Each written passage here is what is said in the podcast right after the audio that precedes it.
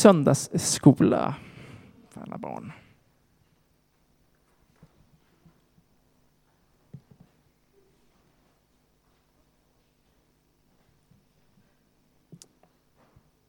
Jag ska läsa dagens text ifrån Johannes evangeliet som vi hittar i kapitel 7 och vers 53 till 8 och 11. Alla gick hem, var och en till sitt, men Jesus gick till Olivberget. Tidigt på morgonen var han tillbaka i templet. Allt folket samlades kring honom och han satte sig ner och undervisade. De skriftlärda och fariseerna kom då dit med en kvinna som hade ertappats med äktenskapsbrott. De ställde henne framför honom och sa, Mästare, den här kvinnan togs på bar gärning när hon begick äktenskapsbrott. I lagen föreskriver Mose att sådana kvinnor ska stenas. Vad säger du? Detta sa de för att, de, för att sätta honom på prov och få något att anklaga honom för. Men Jesus böjde sig ner och ritade på marken med fingret. När de envisade med sin fråga såg han upp och sade, den av er som är fri från synd ska kasta första stenen på henne. Och han böjde sig ner igen och ritade på marken. När de hörde hans svar gick de därifrån en, en, en efter en. De äldste först, och han blev ensam kvar med kvinnan framför sig. Jesus såg upp och sa till henne, kvinna, vart tog de vägen? Var det ingen som dömde dig? Hon svarade, nej herre. Jesus sade, inte heller jag dömer dig. Gå nu och synda inte mer.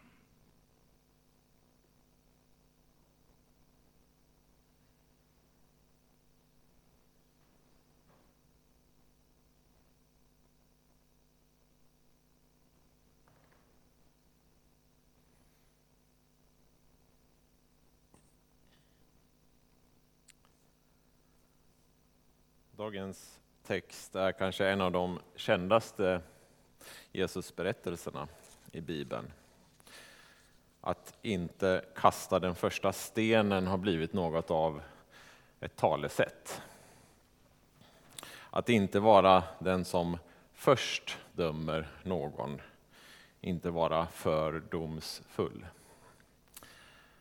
I dagens möte med Jesus konfronteras vi också av två storord i den kristna tron. Två ord som vi ibland kanske har lite svårt för. Nämligen dom och synd. Men låt oss börja i berättelsen. De skriftlärda och fariseerna försöker gillra en fälla de vill sätta Jesus på prov och få något att anklaga honom för, skriver Johannes. Så vad är det för fälla de har tänkt ut egentligen? Jo, de iscensätter en knivig situation för Jesus. Där han påtvingas valet om den otrogna kvinnan eller möjligtvis prostituerade kvinnan borde straffas eller inte. Fariséerna är noga med att påminna honom, som om det skulle behövas, om att Mose lag faktiskt kräver att sådana kvinnor ska stenas. Så om Jesus väljer att skona kvinnan, om man låter henne gå fri, så sätter han sig över lagen, som Mose enligt skriften fått från Gud. Och fariséerna visste att ingen skulle lyssna på en mästare som struntar i Mose lag. Så det var ett försök att få folk att avfärda Jesus. Men om man tvärtom skulle säga att kvinnan borde stenas, så skulle han istället råka i trubbel med den romerska ockupationsmakten. Det var nämligen bara romarna som hade rätt att döma människor till döden. De judiska ledarna var ju tvungna att gå via den romerska ståthållaren Pilatus för att senare få Jesus dömd till döden. Så deras plan är att Jesus ska hamna i trubbel vad han än svarar. Men fällan är mycket listigare än så. De försöker tvinga Jesus att välja mellan rättvisa och barmhärtighet. Jesus är älskad av folket för sin barmhärtighet mot människor. Så om han låter kvinnan bli stenad skulle han antagligen förlora folkets kärlek. Men om man släpper kvinnan fri så kan fariseerna rent av anklaga Jesus för att vara lagens fiende och därför själv förtjäna att bli stenad. Så kanske det även döljer sig ett hot här under ytan. Men det finns en hel del luckor i fariséernas plan. Var håller exempelvis den skyldige mannen hus? De påstår ju att de tog kvinnan på bar gärning, men äktenskapsbrott är inget man brukar begå på egen hand om man säger så. Dessutom kräver Mose lag att det måste finnas två eller tre vittnen och att det är de som bevittnat brottet i fråga som ska vara de första som lyfter handen, som det står. Det vill säga kastar den första stenen. Så när Jesus säger att den av er som är fri från synd ska kasta första stenen på henne, så svarar han fariseerna med samma mynt. Han hänvisar också till den judiska lagen och använder liksom fariseernas eget samvete för att skipa rättvisa. Men han använder inte rättvisan för att bestraffa kvinnan, utan för att befria henne. Inte bara ifrån de här männens grepp, utan från sin egen synd. Men mer om det om en liten stund. Jesus svar är alltså inte enbart ett sätt att ta sig ur en fälla, även om det är det också. Det är inte heller enbart ett svar som liksom mirakulöst lyckas kombinera rättvisa och barmhärtighet, även om det är det också. Genom sitt svar undervisar Jesus oss om vad en rättvis dom kräver. När han säger att den som är fri från synd är den som har rätt att döma. Gud tillåter inte att medbrottslingar agerar, vare sig domare eller bestraffare. Den som skipar rättvisa måste själv vara rättfärdig.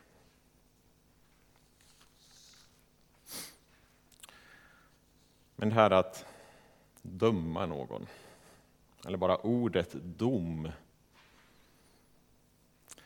Är det någon mer än jag som tycker att det har en lite dålig klang? Man får liksom inga sköna vibbar av ord som dom eller dömande. Men om vi stannar upp och tänker efter lite och inte bara går på hur vi liksom instinktivt reagerar på ordet Låt oss säga att vi längtar efter en rättvis värld. Vem gör inte det? En värld där ingen blir orättvist behandlad. Vem ska egentligen avgöra vad som är rättvist? Vem eller vilka ska bedöma detta? Kan någon som själv är orättfärdig skipa sann rättvisa? Alltså någon som har baktankar eller dolda avsikter, även om de är omedvetna. Jag tror inte det. Den som dömer måste själv vara fri från synd. I vår del av världen tror jag att vi på sätt och vis delvis har insett detta. Vi har trots allt läst berättelsen om Jesus i 2000 års tid. Så några snap, saker har vi kanske snappat upp trots alla våra brister. Anledningen till att vi har valt att inte låta en enda enväldig person skipa rättvisa, typ en enväldig kung. Det beror antagligen på att vi innerst inne anar att ingen människa är utan synd. Istället har vi försökt att skapa en massa juridiska system som ska förhindra att enskilda personer dömer till sin egen fördel.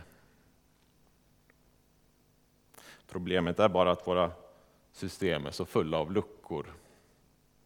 Ibland blir korrupta och därmed skapar nya orättvisor, så vi befinner oss i ett slags moment 22.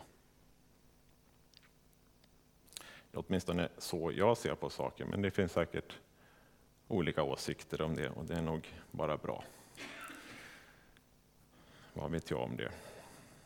Men vi har svårt att komma ifrån själva kärnan av problemet. Vem kan skipa rättvisa?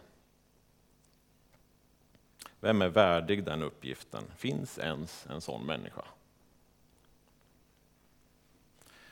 Strax före mötet med äktenskapsbryterskan talar Jesus om domen och då uttrycker han sig bland annat så här. Fadern, alltså Gud Fadern, dömer ingen utan har helt överlåtit domen åt Sonen. För att alla ska ära Sonen liksom de ära Fadern. Fadern har gett honom makt att hålla dom eftersom han är Människosonen. I Jesus möte med äktenskapsbryterskan får vi ett konkret exempel på hur Jesus, han som är Guds son, Människosonen, han som är utan synd.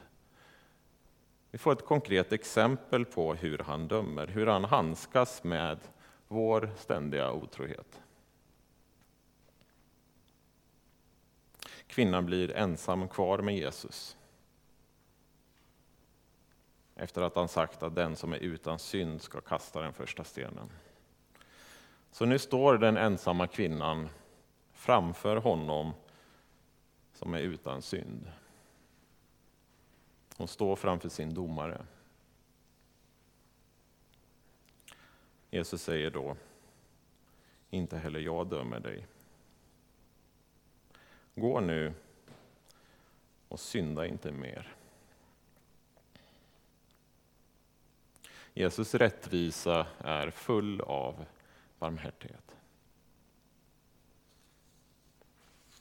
Vi har så svårt att få ihop rättvisa med barmhärtighet. Antingen dömer man väl rättvist efter vad någon förtjänar, eller så är man barmhärtig och visar personen nåd.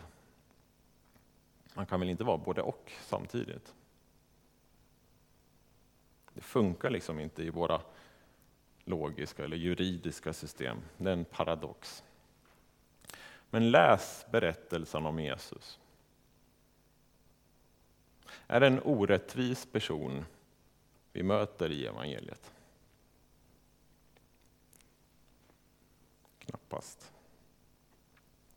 Är Jesus obarmhärtig? Nej.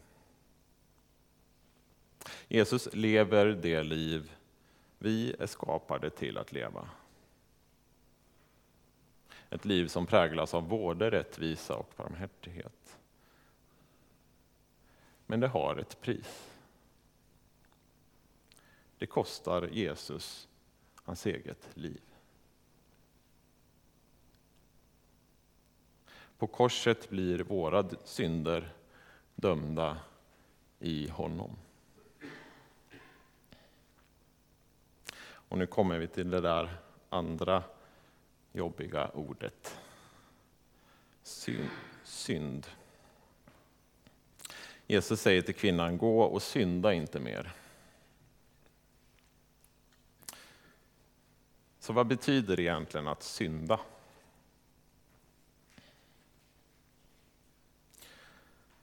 Personligen tror jag inte att det bara handlar om att göra fel.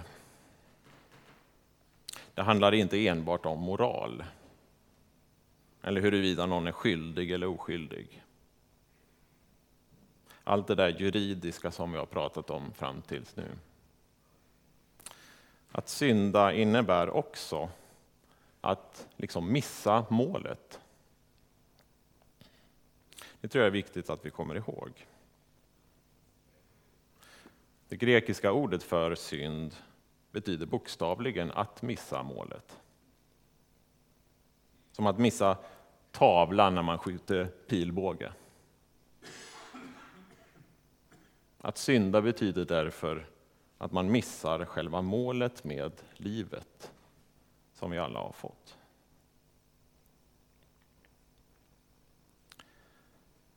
När vi en gång i månaden har eh, syndabekännelse i samband med nattvarden så är det ett erkännande att vi alla siktar snett. Åtminstone jag. Ibland siktar vi nog kanske till och med på fel måltavlor utan att vi själva inser vad vi håller på med.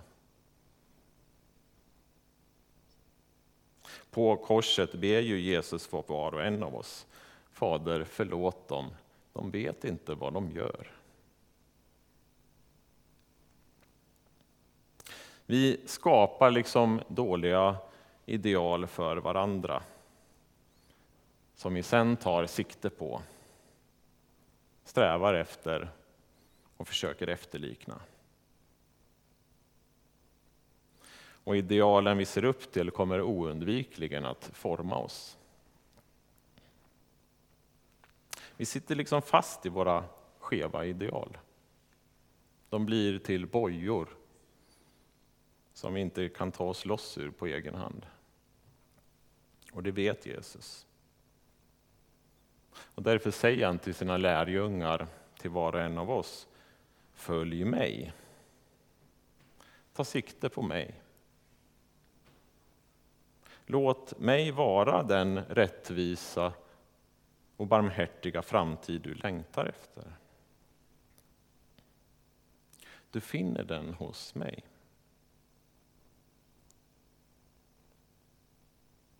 Anledningen till att Jesus ber den otrogna kvinnan att inte synda mer är för att han älskar henne och vill befria henne från hennes synder. Kvinnan står som representant för oss alla.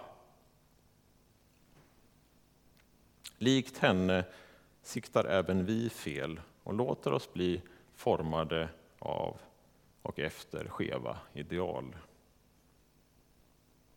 istället för efter Guds avbild, efter Kristus.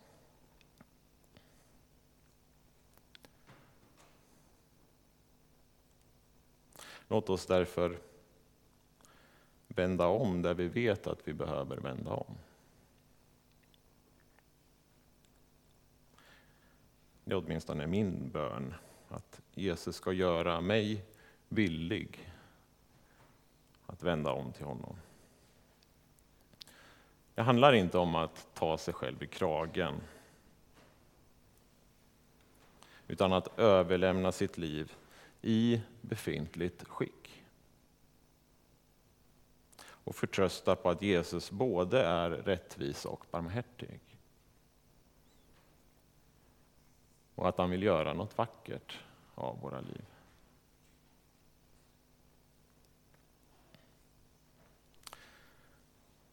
Vi ska ta en stund till i bön och tillbedjan nu.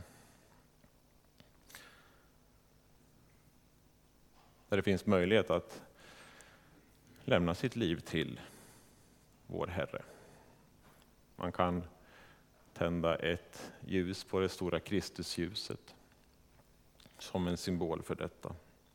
Lägga en sten inför korset som liksom en börda att Lämna fram dig själv inför Jesus. Det går även bra att skriva en bön som vanligt, om du föredrar att formulera dig i skrift. Och ingen kommer att läsa vad som står, utan vi ber för böneämnena anonymt. Och om du vill prata med någon så kommer vi ha någon som vill be för dig bakom skjutdörren här. Så känn er frimodiga. Låt oss tillbe.